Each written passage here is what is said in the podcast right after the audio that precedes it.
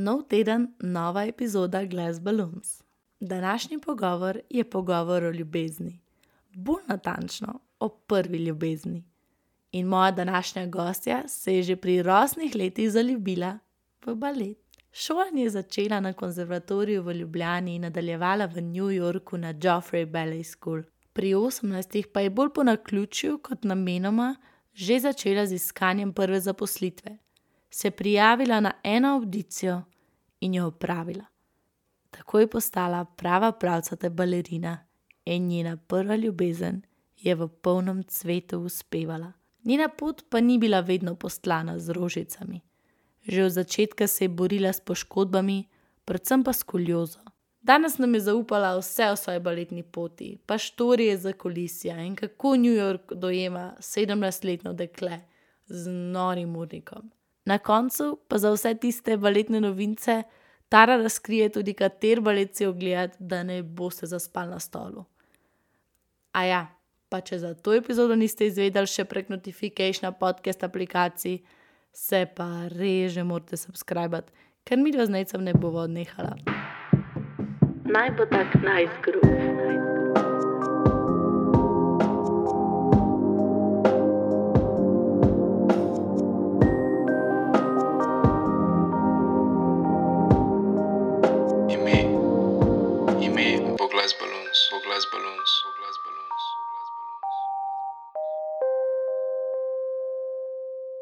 da mi najprej povej, kako približno izgleda vsak dan baletnega plesalca, kakšna je izobrazba potrebna in kako sploh poteka ta pot do poklica baletnega plesalca. Baletni plesalc kot um, poklic pač približno tako traja, da ti do 18.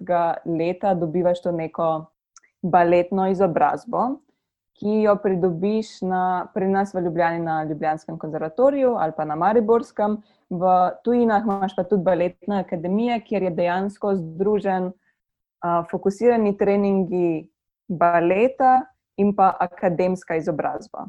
In ti na koncu dobiš izobrazbo um, oziroma diplomo baletnega plesalca, pa tudi zaključiš pa srednjo šolo. Uh, kar pač velik.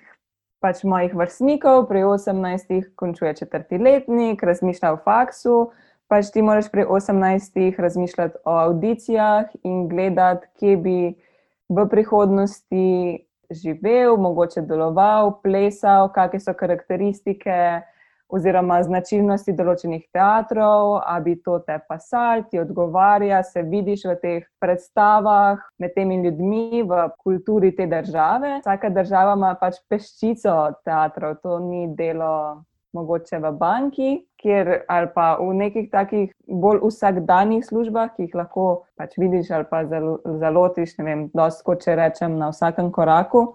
Medtem, ko v Sloveniji lahko dobiš službo samo v dveh ustanovah, v Beogradu, v, v Srbiji, v dveh ustanovah, v Italiji, mogoče pač kakšna operna hiša več, tako da pač se res pogovarjamo o majhnem številu možnosti zaposlitve kako pa zgleda nekakšen dan baletnega plesalca? Uh, zbudiš se, pač, od, odvisno od posameznika, ampak uh, prideš v teater okoli devetih.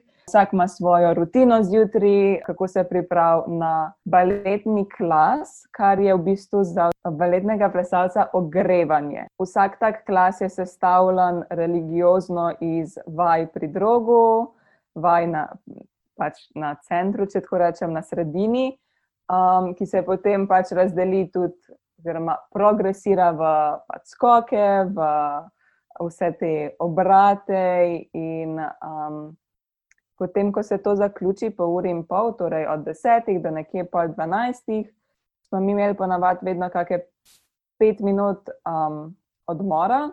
Da si hiter ali kaj spil, kaj prigriznil, mogoče se preoblekel, um, in pa so se začele vaje za predstave do štirih popovdne, ponavadi za punce brezpauzno. Razen če se je lih tako pač klopilo, če rečem, da ti nisi v, neki, v nekem delu predstave in pač nimaš takrat vaje in imaš naprimer. Pol ure prosto, ker ne ti ne bi bilo potrebno iti na to vajo, kar pa ne pomeni, da ne greš. Zato, ker um, se velikokrat zgodi, da se kakšna plesalka pač res zadnjo sekundo poškoduje, od tebe je um, pričakovano, da si profesionalc, tako da pač moraš poznati vse vloge, um, moraš biti na vse pripravljen.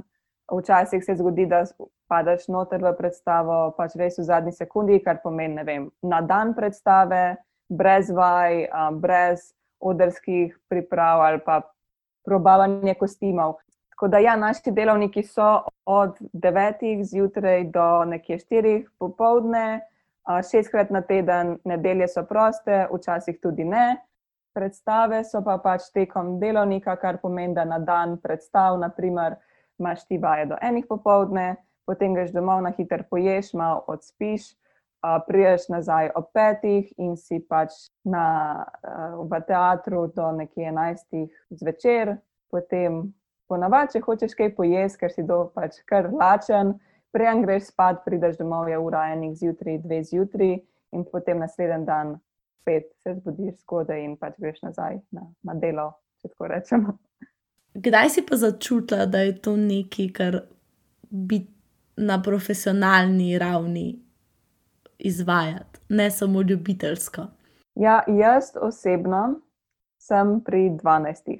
In se prav spomniš tega? Vse se verjetno tudi ti spomniš, ko smo dobili v konzervatoriju, pač ne vem, mislim, da je bil to četrt razred.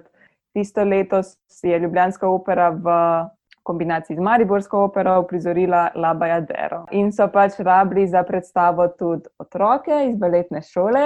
In med drugimi sem bila pač tudi jaz zbrana. Ta izkušnja mi je bila tako neverjetna. Ne vem, od šestega leta gledaš te baletne predstave, vsi tisti plesalci so bili za me na vdih. In zdaj, ker naenkrat sem bila jaz v neki predstavi z njimi na odru. Mislim, da je bila to tako prelomna točka, ker sem vedela, da če bi se kaj želela, bi si pač želela postati baletna plesalka. No, pač meni je bilo to tako dream come true. Pač vsak dan plešem, pa še služim s tem. Kako dobro. A veš, tako če pomislim, ne recimo, veliko ljudi najnih let, vključno z mano, se sprašujemo, kaj bi počeli, kaj bi počeli, ne vem točno, kje se vidim. Za eno tako stvar se pa ti pred 12, imaš tako v glavi in si tako gremo za tem ciljem. To je meni men noro. Ja. ja, ne se meni tudi. Sam tako, ko za nazaj razmišljam, ko vidim pač pri 12, naprimer, otroke in si tako pomislim, pač, da pri 12 pol veš, kaj bi si želel delati. Pač zanimivo. to še sama sebe. Pač, uh, se mi zdi pač res tako, z, tako zelo zanimivo, kako se odloči otrok. No. Lahko že pač ja, taki no, zelo, zelo. Res, ja. um, Zanimivo, da vse rečeš v tretji osebi, da se otrok odloči. No, glede na to, da moraš biti tako zgodaj res na visokem nivoju, za, da si zaposlil na trgu, si se ti potem odločila za izobraževanje v tujini. Kako je prišlo do tega, kakšen je bil ta proces? Povej mi vse. V bistvu res pri 16 letih sem se odločila, da bi rada probala priti v tujino, oziroma priti v kakšno šolo v tujino. Um, in ker je bilo pač zelo težko potovati od, vem, pač prepotovati več različnih držav, sem jaz delala te audicije online, v bistvu s tem baletnim učiteljem tvojim, nekako se stavil ta vaje, in potem sva to posnela, in potem čakaš. Uh, in mislim, da sem čakala kar kak mesec, dva, mogoče celo tri, ne spomnim se najbolj. In potem sem bila v bistvu sprejeta v New York, v Joffrey Ballet School, pa v Elvin Ailey in pa v Anglijo, v Northern Ballet School. In jaz sem se uči, odločila za New York, pač prav uvedla, razmišljala sem, no, da pač taka priložnost se mi je zdaj pač predstavila in če jo ne, zdaj ne zgrabam, dvomim, da se bo še enkrat. No. In si šla. Pri 17, sama ja. v New predtem York. Sem si pa, pač, predtem sem pa imela krizo, ker pač po mojem vsak baletni plesalc gre čez te ups and downs, če tako rečem, ker to je zelo, uh, ti torej imaš tako, tako veliko željo, da postaneš baletni plesalc, zavedaš se, kakšne so možnosti. Zavedaš se, da te možnosti pač niso procentualno visoke, pač delaš od tega. Um, in pač pride kdaj točka, ki pač tudi hočeš obupati, pač, ker gre veliko žrtvovanja v to, pač tudi na socialnem vidiku, pa prijatelji, pa zamujaš veliko pubertetniških izkušenj, um, pa pač teh pubertetniških let. In njih pred temi novicami sem je že doma oznanila, da pač jaz sem konc, to je pa to. Uh, pač še posebej to je bilo pa zaradi tega, ker sem se poškodovala, torej pač dislocirala sem si koleno že tretjič predtem sem imela že eno pač, operacijo kolena, oziroma to manjši poseg na artroskopijo. Uh, in sem si takrat zabičala, da če se mi še enkrat zgodi, da naslednjič pač preneham. In res se mi je zgodil, in um, pač po nekem takem razmisleku sem že res doma vsem oznanila, da to je to. In pol mislim, da sem čez ene par dni dobila te novice, da sem bila sprejeta v te šole in pač sem to um, vrgla čez okno, pač to, kar sem rekla. Uh, in tega to ni več veljalo. Pač taka motivacija se je dvignila, da pač uno koleno sem to hitro rehabilitirala. Da, um, ja, pol čez dva meseca sva z mami že pač letele v New York, da si jaz ugledam mesto. Um, v kaj se sploh spuščam, preden grem tja živeti. Ne? In to je bilo to. Pač lahko rečem, da doma so bili načeloma prvih par sekund veseli, pa pa tudi ne, ker jih je pač zadel, da jaz hočem iti na drug konc sveta, čez ocean. In uh, so v bistvu potihem protestirali s tem, da mi niso hoteli pri nobeni birokraciji pomagati, da sem si vizo sama oh, urejala. Shit. To je ja. full dela. Ja, je. Lahko, pač je, res je. No. Pač ne, da me niso, pač moji starši so me vedno zelo podpirali. Pač da ne bo na robe, ki je tole vzeto. Ne. Tako da pol na koncu sem nekako eh, bila prepuščena sama sebi in um, birokraciji, ampak je šlo dobila sem vizo. Mislim, da je bil to dober začetek, glede na to, da v New York si šla ja. sama. Ja, mislim, da je bilo tudi njim tako dost uh, nazorno potrdilo, da si torej želimo. In kako je Big Apple? Big. tako, z eno besedo, z eno besedo, če sem ga, jaz govorim iz izkušenj 17-letnice. Predvidevam, da če bi šla zdaj nazaj v New York, bi si veliko stvari um, drugače interpretirala, um, da bi ga tudi drugače dojemala, um, da bi šla različne stvari izprobati v New Yorku. Pa tudi zdaj, ko bi se vrnila, bi mi bil vse še vedno poznan. Pač takrat mi je bilo, oziroma mi je bil čisto novo, vsem je bilo čisto novo, bil je velik kulturni šok, definitivno. Um, zdaj pa pač bi bilo Tako, no. A imaš kakšno zanimivo zgodbico, kako te je New York presenetil, kdaj? Spomnim se, naprimer, m, ko sem šla na baletno predstavo. Uh, in pa seveda, malo sem požrla, ker sem kupila uno, ka, uh, balet, pač ker sem kupila karto in je seveda predstavila veliko več, kot bi dala kle v Ljubljani. Ampak pač če sem v New Yorku, hočem videti New Yorkski balet, hočem videti ameriški balet, um, pač dobesedno American Ballet Theatre. In se spomnim, ko je bilo pač konc predstave, in jaz sem navajena, da ljudje v operi pač tako malo ustanejo na koncu, kako penino spijejo, se kaj pogovorijo, kako jim je bilo, kaj so si um, kako se jim je zdel, kaj kdo meni, vidiš kakega um, prijatelja ali pa znanca. Tako, v glavnem, malo se zadržiš, preden odhitiš domov.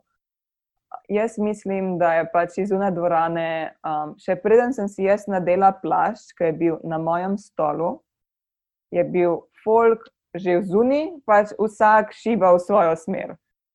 To se je tako hitro zgodilo, meni je bilo to tako res zelo čuden videti. Pač, Ker sem hodila ven iz teatra, je bilo tako, kot da nikoli nisem v bistvu te predstave, oziroma kot da je bila že za mano, ne vem, ker sem jo prejšnji teden videla. V glavnem, fokus je bil takoj naprej, že na naslednji obveznosti, če tako rečem. No. Tako da to mi je bilo zelo zanimivo. Drugač pa v New York tako me je presenečil bolj v nekih, ne, niti ne malenkostih, ampak bolj. Um, vsakodnevnih stvareh, ki jih v Sloveniji ne bi izkusila, no? oziroma pač pri nas. Kako to misliš?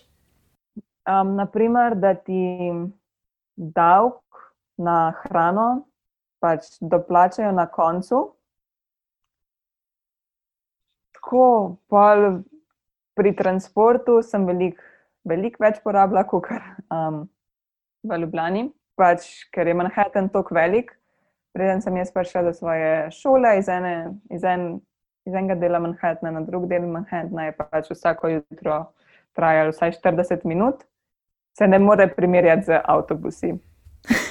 Ne. Z LPP-jem. Ne, pač. Um, če sem kaj pogrešala, tako res orang pogrešala, ker sem se tak, pač prvič pol vrnila nazaj v Ljubljano, je bilo to, da ne moram iti na subway. Um, oziroma da ne, kako ne pride avtobus na, vsako, na vsake dve minute. Pač to mi je bilo, pol, ko se razvadaš, ko se navadiš, da okay, zamudiš en vlak in drugi pride čez eno minuto, dve minuti. Um, si pač tega navajen. Pol pa pridem kaj na avtobusno postajo, pa vidim, da moram 15 minut čakati in sem lahko tako, kdo ima čas? Velikrat, ko pomisliš na Ameriko, čutiš to ekstra tekmovalnost, kot skoraj kot ruski balet, no, sicer čist drug stil, ampak kaj veš, kaj mislim. Vem, kaj misliš. Ja. A je bilo čutiti to, uno, fight for life? A, v mojem razredu, v šoli, niti ne. Pač so bile punce um, res v redu. No? Tako, pač z nekaterimi sem se tudi, z vsemi sem se ujela, pa z nekaterimi sem se pač res bolj spoprijateljila. Um, s katerimi sem še zdaj na vezi, um, na vsake tok, se slišimo prek Skypa, da se malo updatemo. Uh, drugač pa, ko sem pa šla na audicijo, naprimer um, za Pennsylvania Ballet School, pa za American Ballet School um, Summer Course, torej pač poletne če tako prevedem na poletne delavnice, um, ki pač trajajo celo poletje v Ameriki. Tam pa si začutil uh, čist novo mero tekmovalnosti. No. To je bilo pa, um, to je bilo pa tako, dosti noro. Uh, naprimer, v, na eni audiciji od teh dveh nas je bilo v eni dvorani, mislim, da 80, pač dobesedno smo bili kot sardine. Um, ampak ne, tam je pa pač vsak zase. Tam moraš pokazati samozavest, morajo te opaziti. Ja. In kaj to z drevesom, ali s tem, da se prineš do prve vrste?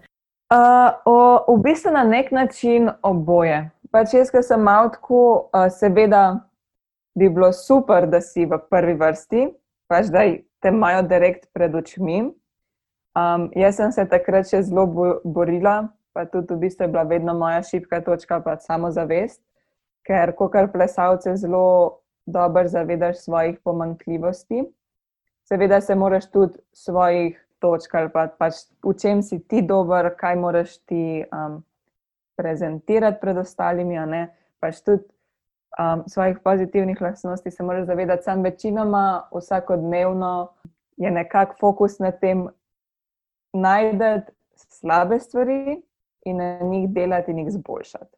In pa se zelo dobro zavedaš, kaj so vse tvoje pomankljivosti, v čem si šibek, kaj ti ne gre, pač ker je fokus nekako vsakodnevno, ker se ti ure in ure gledaš v ogledalo in se imaš naštudiran v pikico.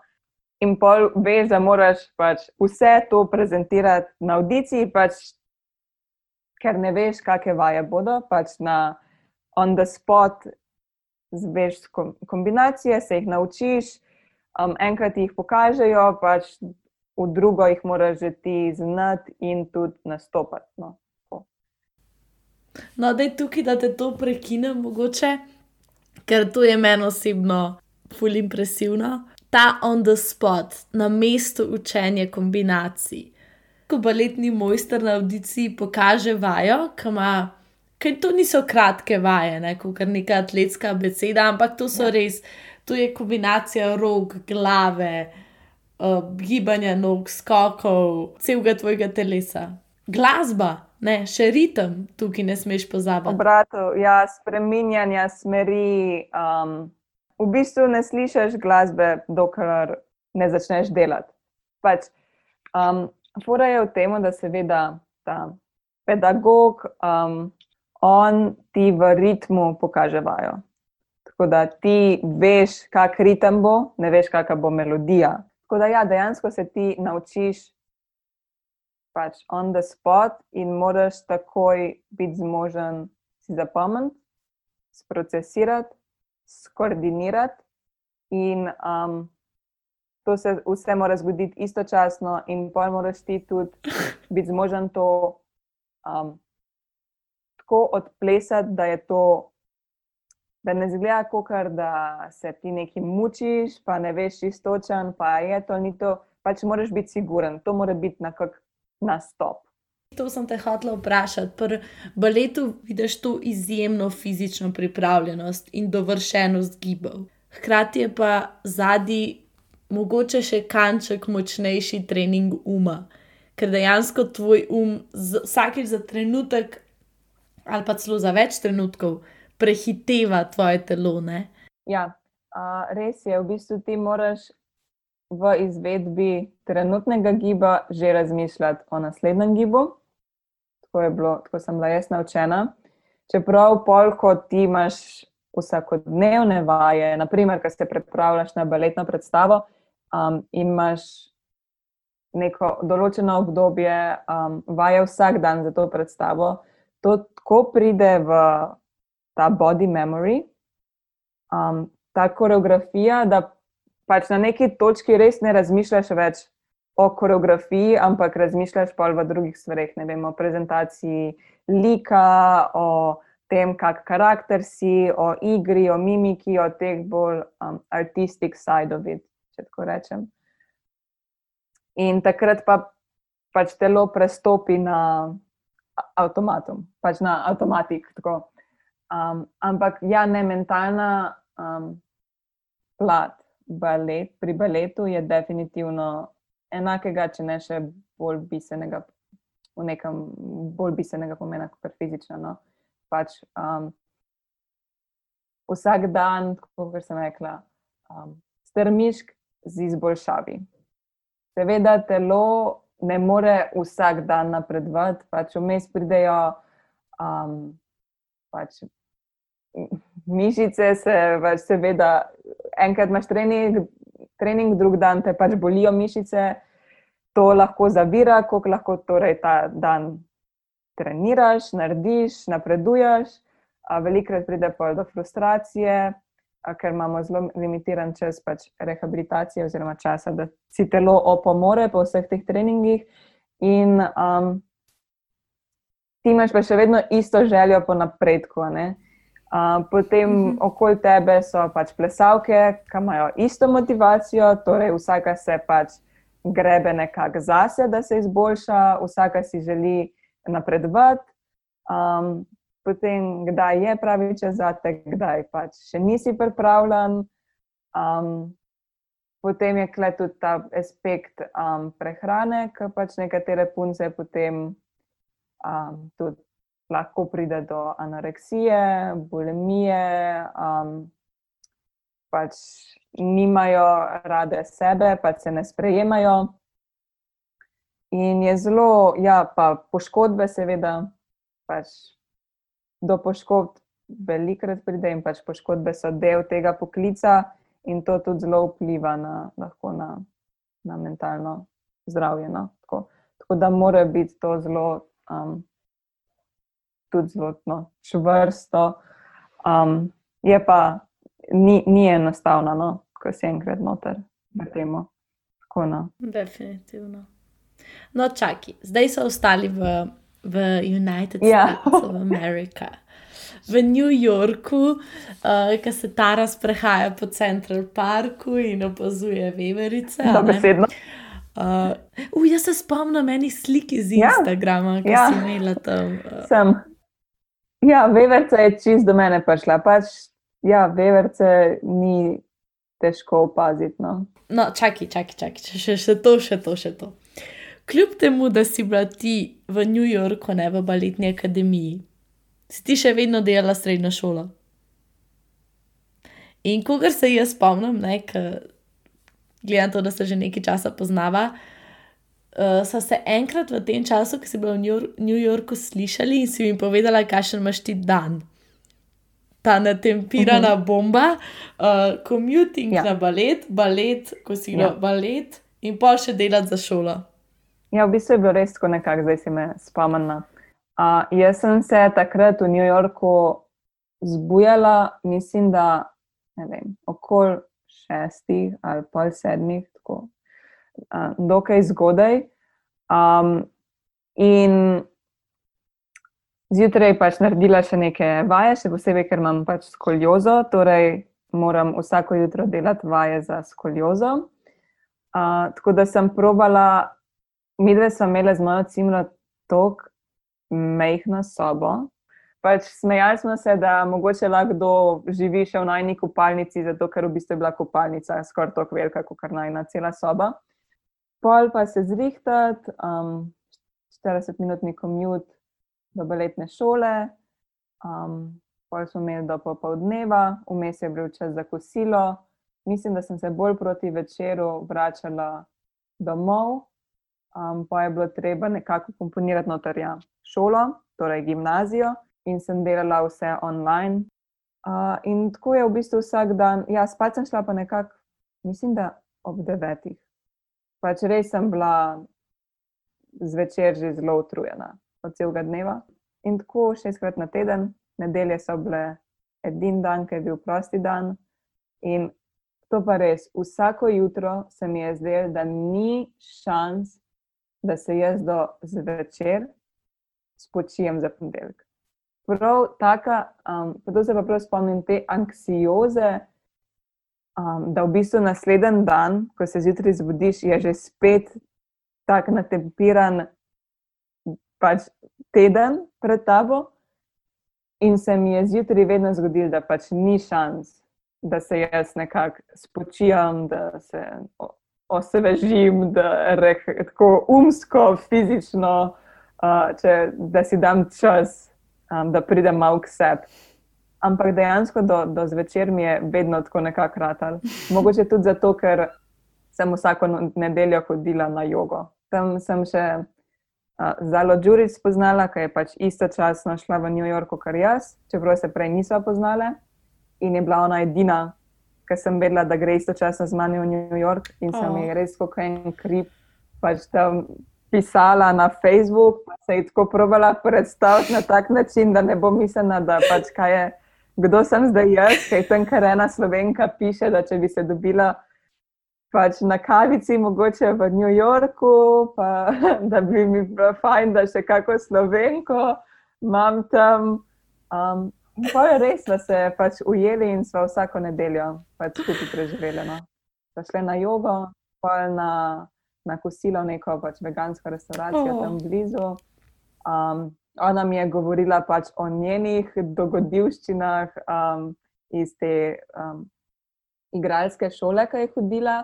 In pač meni se je zdelo, da imam jaz čist boring life, ki sem jo poslušala. Pač moj fokus je bil res sam na baletu, pa pač na šoli, pa da pač preživim dejansko, da se ne sesujem. Survival stresom, no. mode. Ja, ne survival mode, pač on tako. Kako zanimivo je. Pa da si bila 17 stara, veš kaj je to? No? Da, Ja, jaz sem se v sebi še zdela kar tako, ne vem. Od- grown up. Ja, dejansko. Ok, pol pa si pa še nazaj čez lužo, a ne? Ja, pol sem pa prišla v bistvu čez božične praznike v Ljubljano in ugotovila, kak lep pač standard življenja je kle v Ljubljani. Um, da pač se res nimamo tako zaprto živeti, kot se.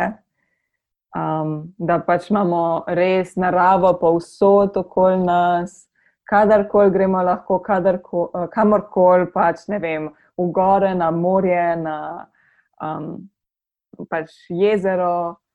Um, tako se je tudi meni zdelo, da se nimam kam umakniti, če sem kdaj rabila. Pač sem tako, da grem nekam ven, um, da si malo refresham, da grem ala na rožnik. Uh, pač, če grem v Central Park, tam je še vedno gužva, pač full ljudi.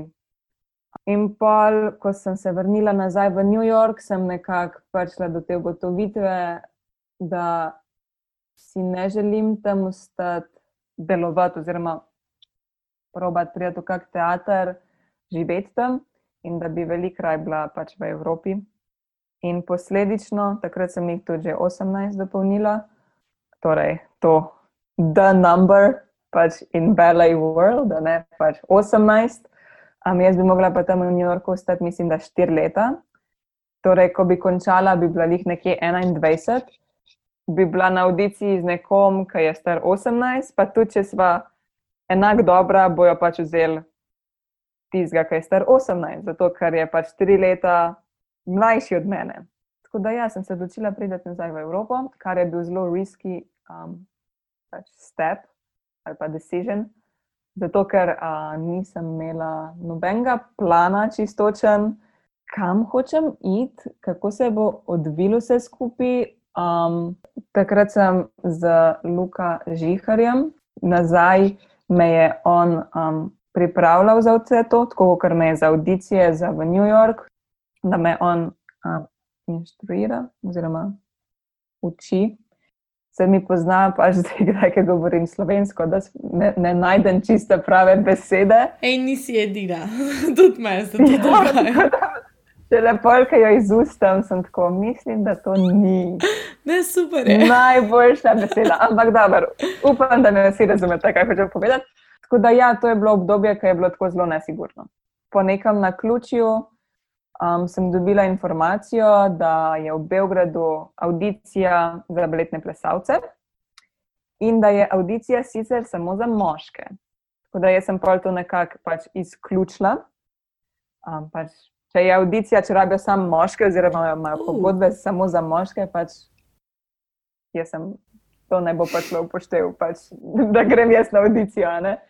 Um, je pa v bistvu pač naš trenutni um, umetniški vodja baleta Petr Dorčevski.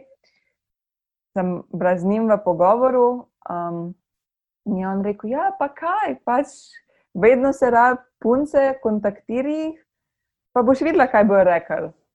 In res pač sem jih kontaktirala in so rekli, da pač pridem na audicijo, um, da bo kao neka taka zaprta audicija in da me oni pač po, da me vabijo na njo. In sem prišla ene dva dni prej, da jaz malo pretipam terena.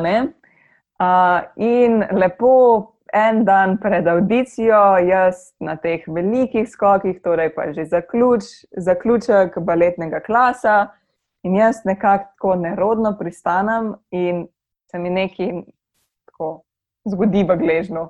Pač nisem vedela, kaj točno je bilo, ali sem si kaj izvila, ali se je kaj kaj se je zgodilo, ampak pač meni je tisti dan gležen otekel. Um, tako da naslednji dan, ko je bila audicija, sem jaz tisto audicijo naredila pol na uh, protibolečinskih tabletah, zato ker um, me je gležen zelo bolel. In so te protibolečinske tablete res tako zdržale lik do konca audicije. In pojo, ko je bilo konec audicije, verjetno tudi, ker so živci malo pač, uh, popustili pač, ker za nalašč mi je začela noga utekati, in pa sem šla lepo nazaj v Ljubljano na rehabilitacijo tega gležnja. Uh, tako da to je bilo super, super audicija. Ja, lej, na koncu um, si nekako tam preplesala tri na sezone. Na dubla, no? ja, ne. Ne, ne, sem bila itak čist zagreta. Pač na, jaz mislim, da še preden se je začela audicija, torej medtem, ko sem se ogrevala, meni je šlo toliko energije, ker sem bila tako živčna, da sem bila utrujena, še preden smo karkoli začeli delati, pač od živcev. Ja. Jaz sem čist pred nečim novim, kot velikrat sem tako čisto zagreta in pač, ker se nekaj odločam, se odločam hiter in pač vem, da je to to in grem pač z glavo tja. Mislim, tako, če je treba čez zite, ne pa v New York, pa vse to. Ampak načeloma pred nekimi stvarmi, dogodki, ki se dogajajo, pač ni prvič, pa ki so pa še pomembni, naprimer, sem zelo živčna. Ampak mislim, da nisi dost omenila, kaj točno pomen, je pomenila ta audicija.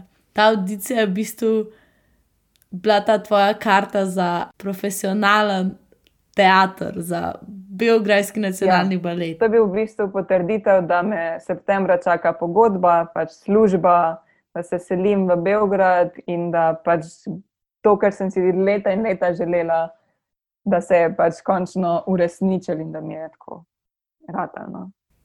Jaz sem kar kurijo pol, drugače, da si to rekel, sem lahko služba, per 18 svoje stanovanje v Beogradu. Ja. Pa še četrti letnik je bilo treba dokončati. Pa še matura. Ja, ja. Ne, prva sezona je bila hkrati nekaj najboljšega, kar se mi je zgodilo, pač na njo me vežejo tako lepi pač spomini. To je bilo tako, taka sezona, skozi se je dogajala. Pač vsaka predstava, seveda, je bila za me nova, torej treba je se bilo naučiti predstavo, kako traja dve uri na pamet. Seveda, jaz ne plešam skozi dve uri, ampak kot um, del zbora, plešam veliko večino. Pa vseeno moraš vedeti, kdaj moraš iti na oder, za katero točko si, za katero kombinacijo, kdo je pred tabo, in pol avtomatično se naučiš cel balet. Um, in v bistvu je bilo to zelo stresno, ker smo pač, kot ena izmed novih, seveda, ni prišel pedagog do tebe in rekel, da ti lahko jaz uh, naučim, pa razložim. Pač to je bilo tako. Veš, da naslednji teden začnejo se vaje, prosiš za DVD, greš domov, si pogledaš DVD, se sam naučiš, čim več, kot se lahko, kot je pač možno razbrati, in tako ne veš, na kateri poziciji plešeš, tako da se pač tako nekako učiš generalno. In pol, ko prideš na vajo, um, je pač tako nekako pričakovano, da že znaš. Oziroma, da se ti vsaj svita in da potem drugo vajo znaš. No. Ker kot pa za tiste, ki ne poznajo tega sveta, tokne. V bistvu vsak baletni ansambl ima nek, um, kako se reče, repertoar baletov, ki ja. jih pleše. In kot si mi tudi takrat omenila, ima Beograjska opera v bistvu zelo različne predstave tekom enega tedna. Ne? Ni tako kot pri nas, ker recimo neko obdobje je hrestač, polje, bla, bla, bla, nekaj drugega. Se pravi, v bistvu te vsi plesalci so nekako vse te balete imajo nekje zadnji v glavi, in pa ti priješ tam nov. In kot si rekla, ne bo prišel zdaj do tebe, pa te posebej razložil, kako se zdaj to pleše. Ja, ne, ne. Um, pač to je res. Torej, pri nas v Beogradu si lahko imel dve čist različni predstavi v istem tednu. Um, ker pač večina ansambla tam to res ima že v malem prstu in pač lahko srednoči jim rečeš, in vse plesalke točno vejo, na kateri poziciji so, kaj plešejo, um, ker pač ne vem, plešejo to že od premjere 10 let, 15 let. Um, za tiste, ki smo pa pač novi, uh, pa to pač pomeni, da mogoče kdaj za kakšno predstavo dobesedno imaš, ne vem, pet vaj. Um, mogoče tudi nisi načeloma najprej izbran, da plešeš v tej predstavi, zato ker pač so vse vloge um, zapolnjene od pač prejšnjih plesalk, se nobena vloga ni osvobodila. Um, ti pa še vedno moraš hoditi na vse vaje in biti v pripravljenosti in znati, zato ker nikoli ne veš, pač, kdaj se kakšno poškoduje, zboli in pol pač te pokličejo en dan prej, um, na dan predstave, da pač rabijo plesalko in da pač moraš ti vstopiti um, noter. No, da je povej, jaz mislim, da se spomnim, da si mi rekla, da se je nekaj tazga enkrat zgodila. Ne? Ja, ne. Prvo sezono se mi je to večkrat dogajalo, pa drugo sezono tudi, um, še posebej pri Hrstaču. Nisem imela nobene določene pozicije, sam to je obdobje, seveda, da pač velik plesal, se mogoče že odprej bori s kakšno poškodbo in pol po pač tej naši mentaliteti, torej do zadnjega diha, ti si noter in pač res, če malo manjka ti pol noge, ne manjka, ti plešeš. Torej, ponavadi res do konca ustrajajo in pol lik zaradi tega en dan pred predstavo ugotovijo, da ne bo šlo. In se mi je zgodilo, da sem od teh šestih predstav ali vsaka predstava druga pozicija, pa vsaka predstava tako z eno vajo, kar pomeni, vsaka pozicija ima svoje smeri, svojo koreografijo, svoje um, štetje, pač ker se različni gibi na različne štetja um, dogajajo. Um, pač na koncu sem res, na kjer koli pozicijo bi me postavili, bi lahko vstopila na isti dan. Pač, ker sem že toliko različnih ulog plesala, da ni bilo, ni bilo več problem. Ampak je pa ful tako, mentalno je ful pressure. No. Um, Ti ob enih popoldne rečejo, a ja, pa zvečer plešeš tretjo ja. snežinko ali ne vem, kako se točno reče. Ja, naprimer, lahko tako rečemo. In pa ene 15 minut pred začetkom predstave pa, ali pa ne, ene pol ure pred začetkom predstave se vsi zberete v dvorani in pač na hiter prehodiš, kje se moraš gibati, in good luck. Pa, plus to, da ti moraš na odru vse izvesti, kot da si ti tam doma, da točno veš, kje je tvoja pozicija, že 300 let, ja, če je treba.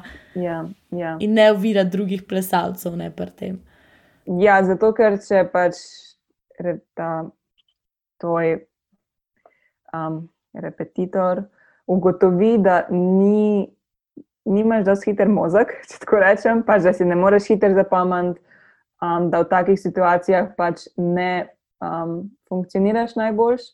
Mogoče pa se ti večkrat zgodi, da kaj narobe narediš na odru, več to je to. Ne bo te več izkoristil za take situacije, um, bo raj dal drugi možnost, kar tudi pomeni, da če se osvobodi, pa kakšna vloga, jo bo pa una ta druga dobila na mest tebe. Tako da vsaka taka priložnost, ki se ti ponudi, hočeš res izpasti čim bolj profesionalno. Pač res, tako kot kar dan ni nač.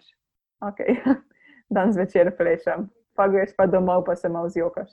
A se ti je kdaj zgodila kakšna taka nesreča na odru ali pa poškodba, pa si mogla recimo odigrati, kot da je vse v redu in najlepši dan. Ja, med, med uh, Don Quixote predstavo sem pač plesala torej neko drugo pozicijo, kot sem jo jaz vajena. In tale lig Don Quixota, seveda, ima meč v roki. In ker uh, jaz nisem vedela, da sem mu preblizu, pač ko je on naredil v nekem momentu bujan zamah, sem mu bila jaz tako blizu, da me je pač po, po obrazu polno silo zadev. In od, res od te sile njegove sem se prav tako zavrtela na, na on the spot. Um, in pač nisem vedela, kako je hudo. Pač, okay, hvala Bogu, meni v, v oko ali pa kamorkoli, ker to bi se res malo bolj, veliko bolj slabo končalo ampak pa sem čutila, da mi nekje kri teče na obrazu. Je bilo pa pač treba dokončati, torej lik je bilo od konca neke, neke scene, ne? um, in je bilo treba uno sceno vsem dokončati do konca. In pač moji soplesalci in sodelavci, ki so bili pa na drugi strani odra, pa so nekateri videli, so me pa vsi gledali, da mi ne vem, pol obraza manjka, pač ker so se ustrašili, kaj so jih kar pač opazili, mislim, kaj se je jih zgodilo na sceni. In pa me je en, um, pač so plesali tako lepo, zelo um, po špansko, ker pač to se dogaja v Španiji in mi vsi imamo tako koketiramo drug z drugim, pa ne te španski trg, pa tržnica, pa vse. In me je lepo pod roko, pa smo se sprehodili v bistvu dol iz scene, da ni bilo tako opazno um, zato ker sem pač hotel pogledati, torej, kaj, kaj, je, kaj se je zgodilo. No, pač počena je bila ustenca, pa hvala Bogu, sem imela lih tako rdečo šminko, In pač, ki je pol kri tekla, se niti ni tako videl, ker je bilo pač vse samo rdeče. Tako, um, ampak je bilo treba uno predstavo pol do konca odplesati. In pol sem sred naslednje scene, pač se je to začel zadebeljevati, tako da je bilo tako, da sem imela en lep feeling, tam mal. Ja, Ojoj, to je pa skoruna, veš, kot v predstavah, ki so pištole, veš, da da je dejansko na boj noter, pa se pa umor zgodi. Ja, ja, to se je kar dogajalo. Moja čist, čist, čist prva predstava je bila pa tudi Don Quixote. In v Don Quixotu je ena scena, ko eh, lik um, Šanso Pančo pač povabi na, sled, na sredo odra eno dekle iz zbora. Plešete tam na sredi odra in jaz sem mislila, da je to pač. Jaz sem to seveda videla na videoposnetku in sem bila sto pačka, da je to koreografija. Pač da ta punca ve, kje je, dokler on na predstavi, jaz sem itak že umirala, ker je bila to moja prva predstava, on se odloči, da bo mene. Pa pač potegnil sred odra. Ne? In ko kar on, to je bil, ka, to je bil res tako počasen posnetek, ker jaz pač pričakujem to sceno, da se bo zgodila in gledam, kje ro punco bo pač zbral in on proti meni hodi. In me prime za roko in me potegne. Ampak tako, pač ne, ampak potegne, ker je pač to tak uh, lik um, in pač je seveda v svojem karakterju. Jaz pa ga nazaj vlečem, ker nisem vedela, kaj se dogaja. In pač sem hitro mogla dojeti, da pač to je to in moram iti z njim, zato ker je to predstava v živo, ne, ne moram jaz tam kar zbežati dol iz odra. In jaz njemu potiham, povem, da jaz nimam pojma, kaj moram delati. In pol, ko je bilo te scene konc in sem pač to odigrala in šla nazaj, sem pač sem tako molila, da je, bilo, da je to zgledal pač believable, tako rečem ko je bilo prvega dejanja konec, pride ta naš repetitor v zaodrje in mu reče: Pa kje si lik ta razbral, da se šlogira sred scene? Da jo šlogira, torej da jo kam za danes sred scene, že tako je njena premjera, ampak po mojem je lik za nalašno. Pač sej, da so me krstili tam. Pač, Kako ja. so te lepo sprejeli?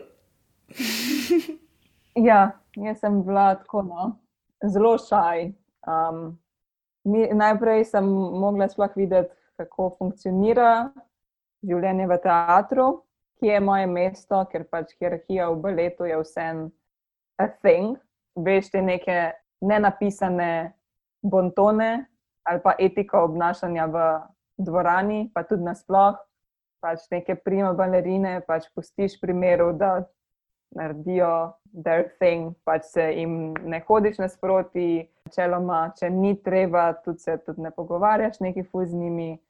Vsak baletni plesalec ima svoj prostor pri drugu, ti ne moreš kar prideti noter, pa se zdaj bom, zdaj pa je meni kle všeč zraven ogledala in se bom jaz pač sem nastanila, ne? to ne gre tako. Tam je verjetno kakšna solistka, ki si je preklet izborila ta prostor in ga ne da za živo glavo, um, in te pač tudi lepo spodi, če slučajno si tam.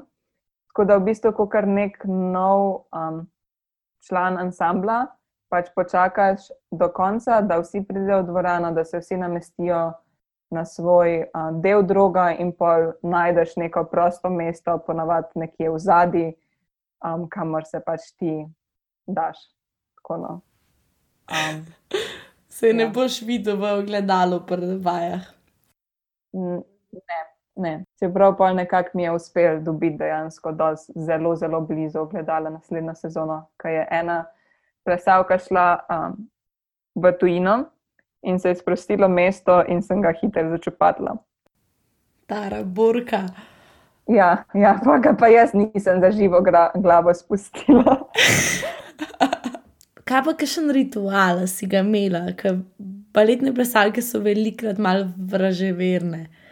Ja, to je res. Pač če se sam povem, večinoma so vraževerne, tako med samim, um, pač med samim izobraževanjem baletnim, sem vedno imela verižico Evil Eye, pač ki jo velikrat lahko tam um, kupiš pač v Grčiji, uno modro oko, ker pač ne bi to zdaj sile odganjali stran. In pač to so mi ostale balerine povedale. Um, in pač, če je to za njih, sem rekla, meni zihar ne bo škodal. Uh, tako da to je, bil, to je bila pač moja mala vraževernost pač v nekako med 15 in 18 letom.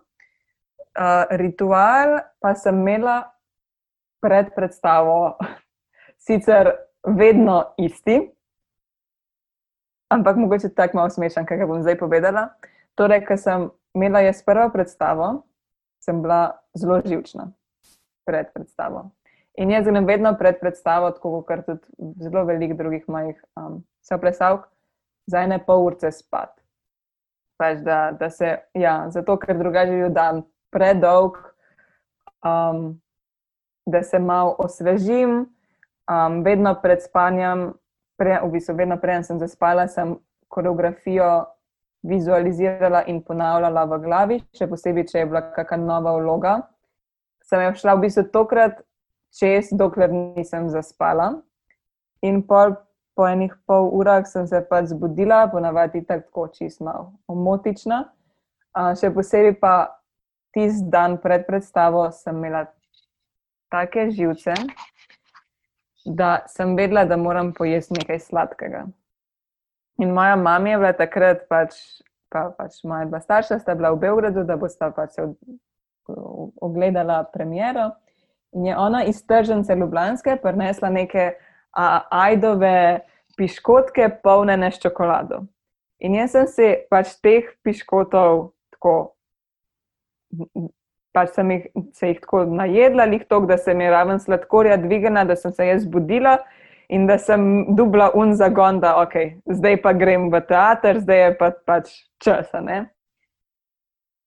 In po tem dnevu, zato ker je premjera šla pač brez napake čez um, in je bilo vse super, sem jaz vsakič pred predstavo te piškote iz Ljubljanske tržnice jedla pred predstavo, vsakič.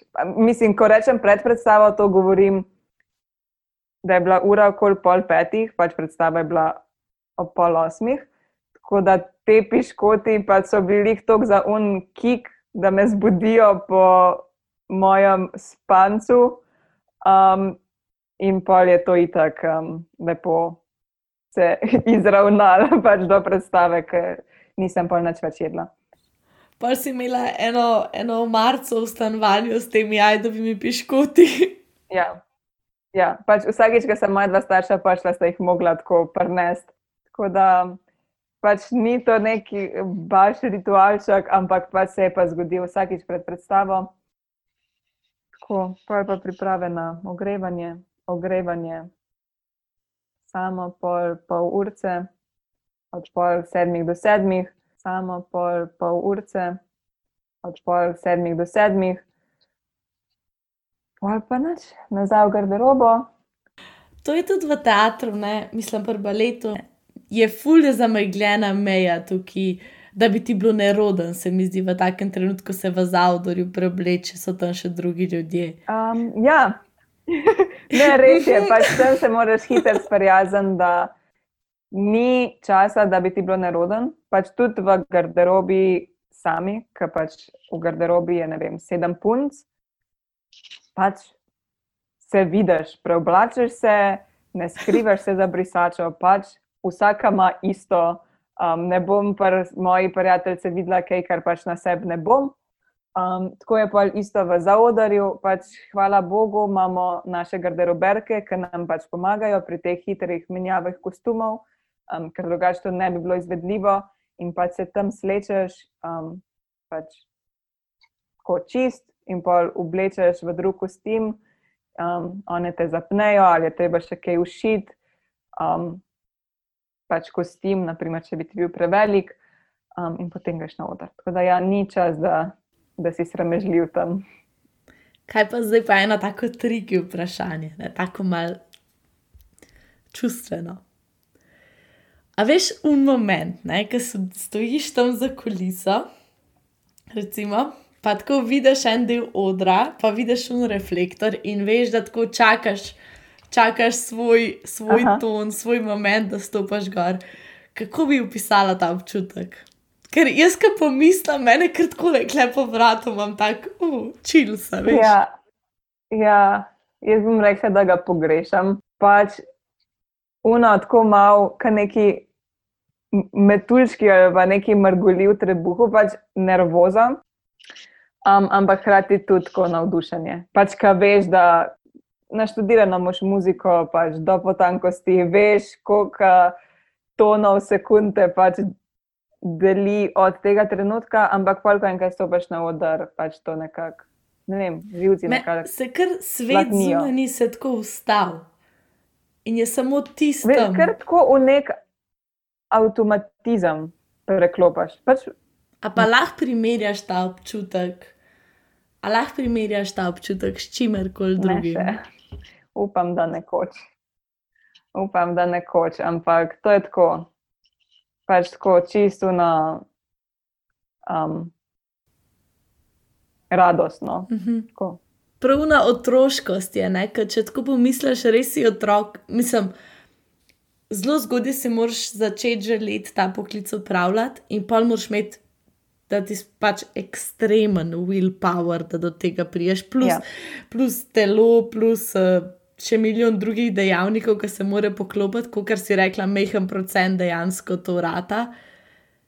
In pa v bistvu si toliko zaslužijo, vsi ljudje tam si toliko zaslužite, da imate ta en special feeling, ki ga nikjer drugje ni.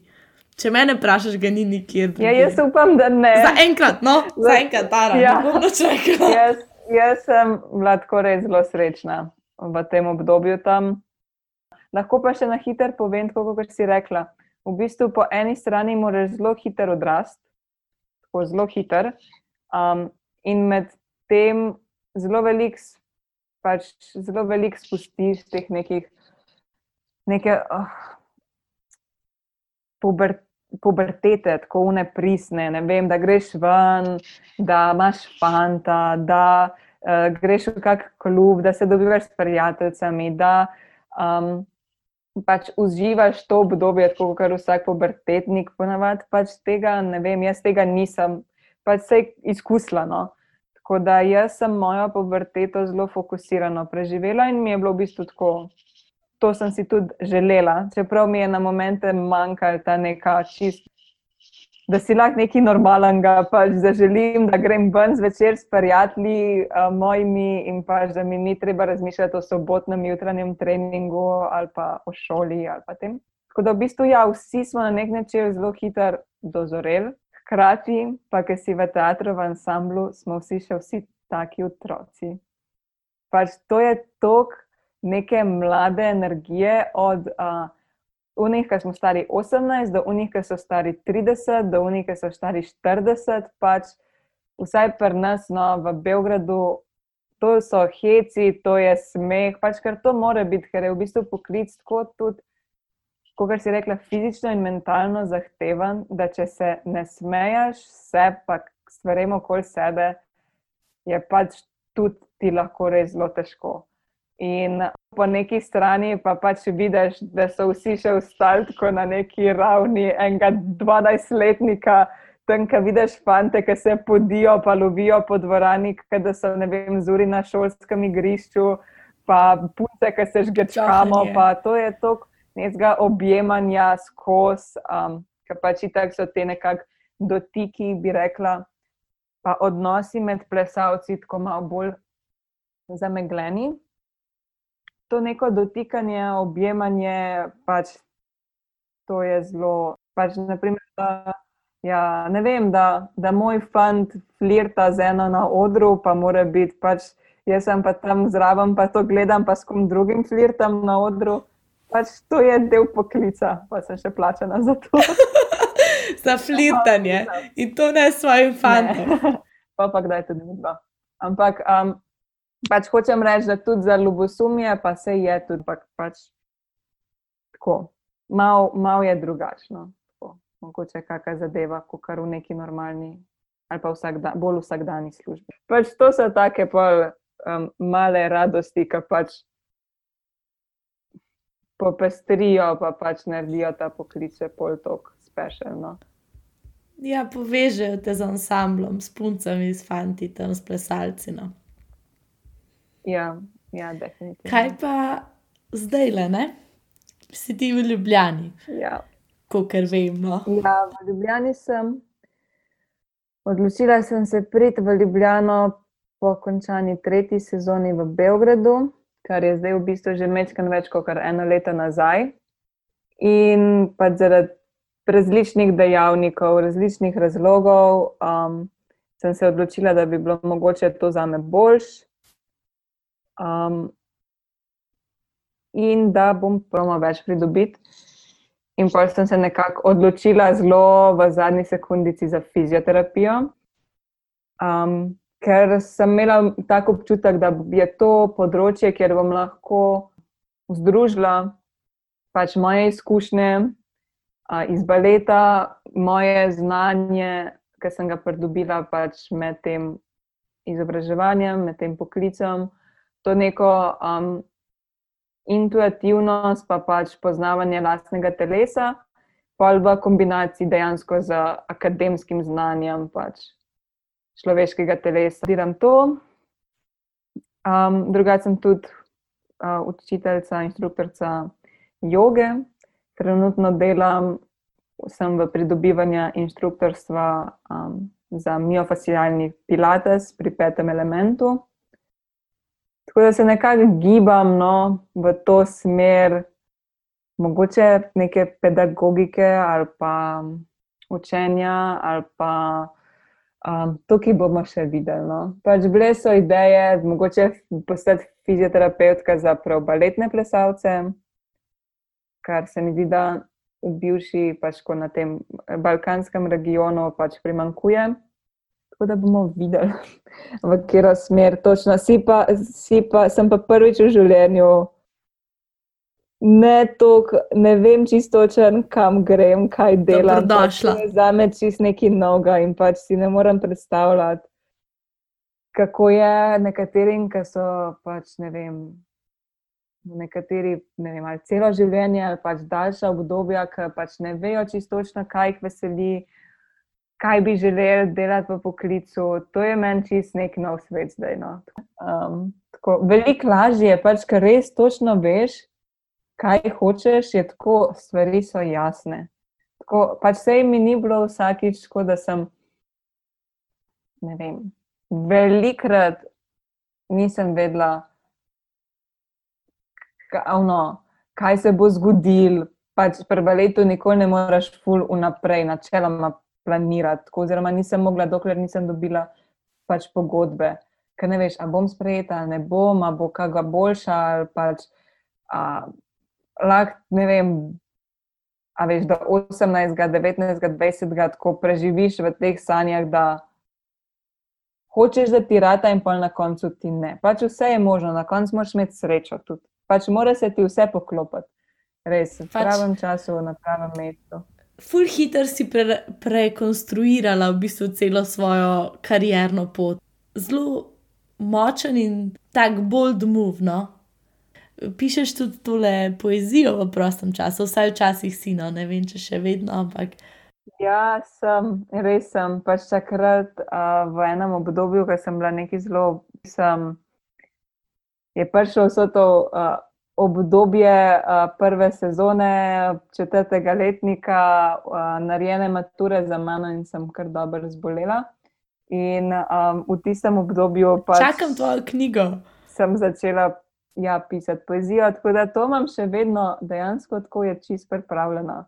Pač, takrat, ja, čist je bila od um, izgleda do vsebine, do pač dejansko edin, kar je treba, je pač pa stiskati. Pač, jaz sem takrat rešila tako čist do konca. z njo, um, sam pa sem bila v Beogradu in se mi ni zdelo, da bi bilo to izvedljivo. Pač, kaj vam misliš tako? Kaj so vne top tri stvari, ki ti jih je dal balet? Poleg vseh izkušenj, narih. No. Najprej mi na misel pride disciplina. Um, pač profesionalizem, tako zagnanost, ampak pač ne vem, nekako jaz sem čez balet tako zelo veliko, tako pravno pristna ljubezen. Ne vem, če lahko rečem, pač prva ljubezen. Pač tako nekako. Um, tako da to sploh ne vem, kaj, če, kako lahko rečem, kaj mi je dal. Pač dal mi je tako res najlepša leta. No. Kako lepo, jaz sem ti jokala. Pa to niso bile, pa to niso bile same rožce, delč od tega. Pač, um, v bistvu balet je bil meni zelo tako love and hate relationship. Drugače. Je, ker tudi, ne vem, prej si omenila, pa, da se bo malo spotaknila v to, ker, glede, ker mogoče ne bojo poslušalci razumeli čist, kaj to pomeni za plesalko. Ti imaš skoliozo, ne? To je tako, how, pač kako si uspel. A veš, to jaz, ki pomislim na te in pa, ki se zavedam, pač, da dejansko imaš skoliozo in da si dejansko profesionalno plesala, bojti še vedno si profesionalna baletna plesalka, da ti to discipliniraš, da ti to natreniraš, da tako stoji, kot je treba, da se tok s tem ukvarjaš, da tok umpr praviš za tega, da ti to želiš delati in ti to boš delal. To je taka veščina, da, da upam, da se vsi poslušalci zavedajo, kako je to awesome. Jo, najprej, da povem, pač skolioza je ukrivljenost hrbtenice um, in lahko pač v obliki črke S. Torej, hrbtenica ponavadi je pač naravnost, medtem ko pri skoliozi je ta sobretenca ukrivljena, tako da zgleda, kot da je hrbtenica v obliki črke S oziroma v obliki črke C, če je pač enojna krivina. Velikrat pride zdraven skolioze tudi rotacija prsnega koša, torej prsni koš ne, pač ne, ni simetričen, ampak je um, tako nekako zarotiran, malo zamaknen, um, eno pljučno krilo gre malo bolj naprej, drugo malo bolj nazaj. Uh, tako da v bistvu tudi pri predklonu pač lahko se vidijo zelo, zelo dobro te asimetrije. Uh, jaz sem pač skoliozo imela, mislim, da nekje od 11. leta za me je bilo pač to normalen hrbet. In pa sem ga tako tudi um, sprejemala. Um, ampak sem imela tudi zelo veliko, tako pač, kako bi rekla. Um, Seveda, tudi dvomov vpliva tudi to na samozavest. Um, pač da, da, da veš, da je to nekaj, kar v bistvu ne moreš popraviti. Torej, jaz lahko pa delam vaj za hrbet, ko skoraj res petkrat, šestkrat na teden. In pač delaš za to, da ohranjaš, oziroma mogoče minimalno izboljšuješ stanje, pač ne boš se pa tega znebil. Lahko se seveda veliko, veliko velik izboljša, še posebej pri uh, otrocih, ki trenutno še rastejo. Tako da, če ima kdorkoli skoliozo, jaz res um, naprošam, da greste pa zdravnika, da gre se pol nekoga, ki se je specializiran za fizioterapeut, specializiran za skolioze. Pač to ni navadni fizioterapeut, to so fizioterapeuti, ki se ukvarjajo samo z ljudmi s skoliozami in tudi vaje, ki jih dobite, so potem narejene, prilagojene po tvojem tipu skolioze, ker je vsaka skolioza različna. Tako da jaz sem pač to, te vaje dobila, sem šla v bistvu v tujino za to v London, kamor v bistvu vsako leto hodim. Na, um, in sem imela tako srečo, da me ni bolela.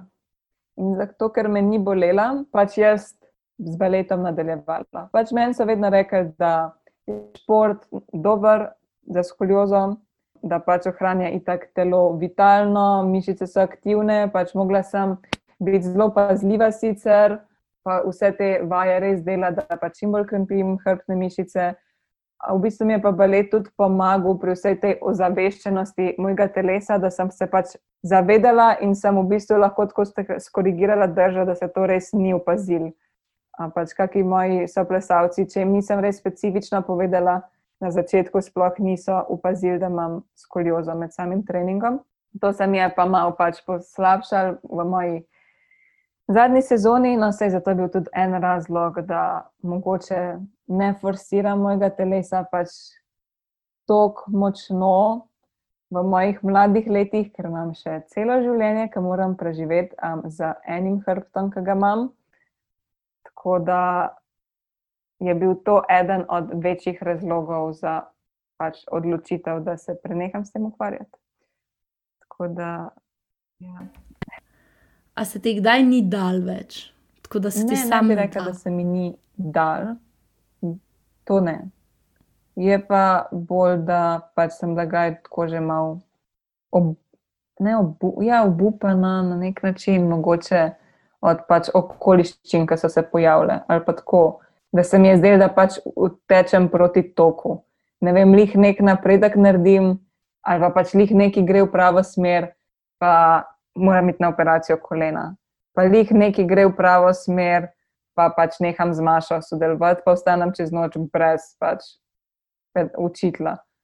Pa pa neki gre tako v pravo smer, pa naredim te najnaudicije, pa mi spet kolen ven vrže pa že tretjič. Pa sem tako, pa me ti zdaj bavaš v glavu, mislim, tako veš. Pa sem šla v New York, pa sem prišla iz New Yorka, pa spet nisem vedela, sploh, kaj bom sama s sabo. Pač, a grem na kakšno akademijo ali kodar, ali kar proba mi to, v teater, ful se nisem zdela sama sebi, niti pol tok pripravljena. Pač se je potrefilo, da grem na eno in edino audicijo in sem sprejeta. Pač ne tem, kaj ne vem yeah. Ja. sebi. Moj fant je šel tako na 40 audicij po celi Evropi, je bil pač v peščico sprejet. Pač zato, ker to dejansko je tako, pol realno ostane. Tako. Pa pa une štorije, ki so bile tudi v Beogradu, zelo klinčevo birokracijo. Pač tako skozi nekaj zajbancije, tako malo v glavu. Res se mi je skozi del, da tečem proti toku. Um, tako da mogoče pa na koncu sem da res od tega že tako malo utrujena na nek način, sam po moje bi nadaljevala, če ne bi imela te skolje. Pač ne težko rečem. Lahko bi zihar stisnil na mogoče še kako sezono, sam pa nikoli ne veš. veš pač ne vem. Ful sem bila, tako ko sem se odločila, sem bila trdno prepričana o od, od, od, odločitev. Ful, res tako prav gnljiva zgodba ker vem, da ti ni bilo vedno s cvetjem poslano in uh, jaz, ki te mogoče še malo bolj poznam, no, uh, še iz osnovne šole, vem pač, kakšno borka si in koliko imaš te discipline, in da bi marsikdo v bistvu na tvojem mestu že veliko prej prenehal. Najbrž veliko ljudi, ki poslušajo tole epizodo, mogoče ni največjih fanov baleta. In si mogoče pa zdaj ti prvi stik s tem svetom moraš se zavedati, da imaš zdaj to čast na tej naši podcast, Glass Balloons, to doživeti. Wow. Um, kjer balet bi priporočala, da si ogledajo, če si želijo, pa da ostanejo navdušeni? Ker je neka taka, uh, neka taka stigma okrog baleta, da je lahko dolgočasen, kar jaz ne razumem. Ampak v redu. Ja, ne, pač to je, to je res. Naprimer, že za mojo lastno sestro je bilo muka jo mene gledati, ker je balet dolgočasen. Uh, tako da pač z njo jaz ne morem imeti nobene baletne predstave gledati. Ampak um, bi pa priporočala res pač vsakmu, da si vsaj da, da enkrat šanso baletu, pa si gre pač pogledati, da, da si ima vsaj da ima to izkušnjo, da lahko reče, da okay, to je potencialno nekaj, kar bi mogoče, kar me mogoče veseli gledati, bi si mogoče še eno predstavo ogledal, oziroma vsaj nekako si, si razširil malo obzorje, videl si nekaj novega, pa, pa si rekel, ok, trenutno mogoče pač vse mi ne sebe. Ne? Ampak, če bi eno predstavo mogla priporočati, bi po moje Don Quixote priporočala, no? ker je um, taka živahna zgodba, dogaja se v Španiji, pač mlada zaljubljena, tako um, Kitri in um, Bazil. Taka je um, živa, tako tudi muzika, pač vas ne bo uspavala. Um, Scena, ne, koreografija je tudi tako narejena humoristično. Uh, tako da, po moje, za eno od prvih predstav, mogoče ne Labodje jezero, ampak Don Quixote.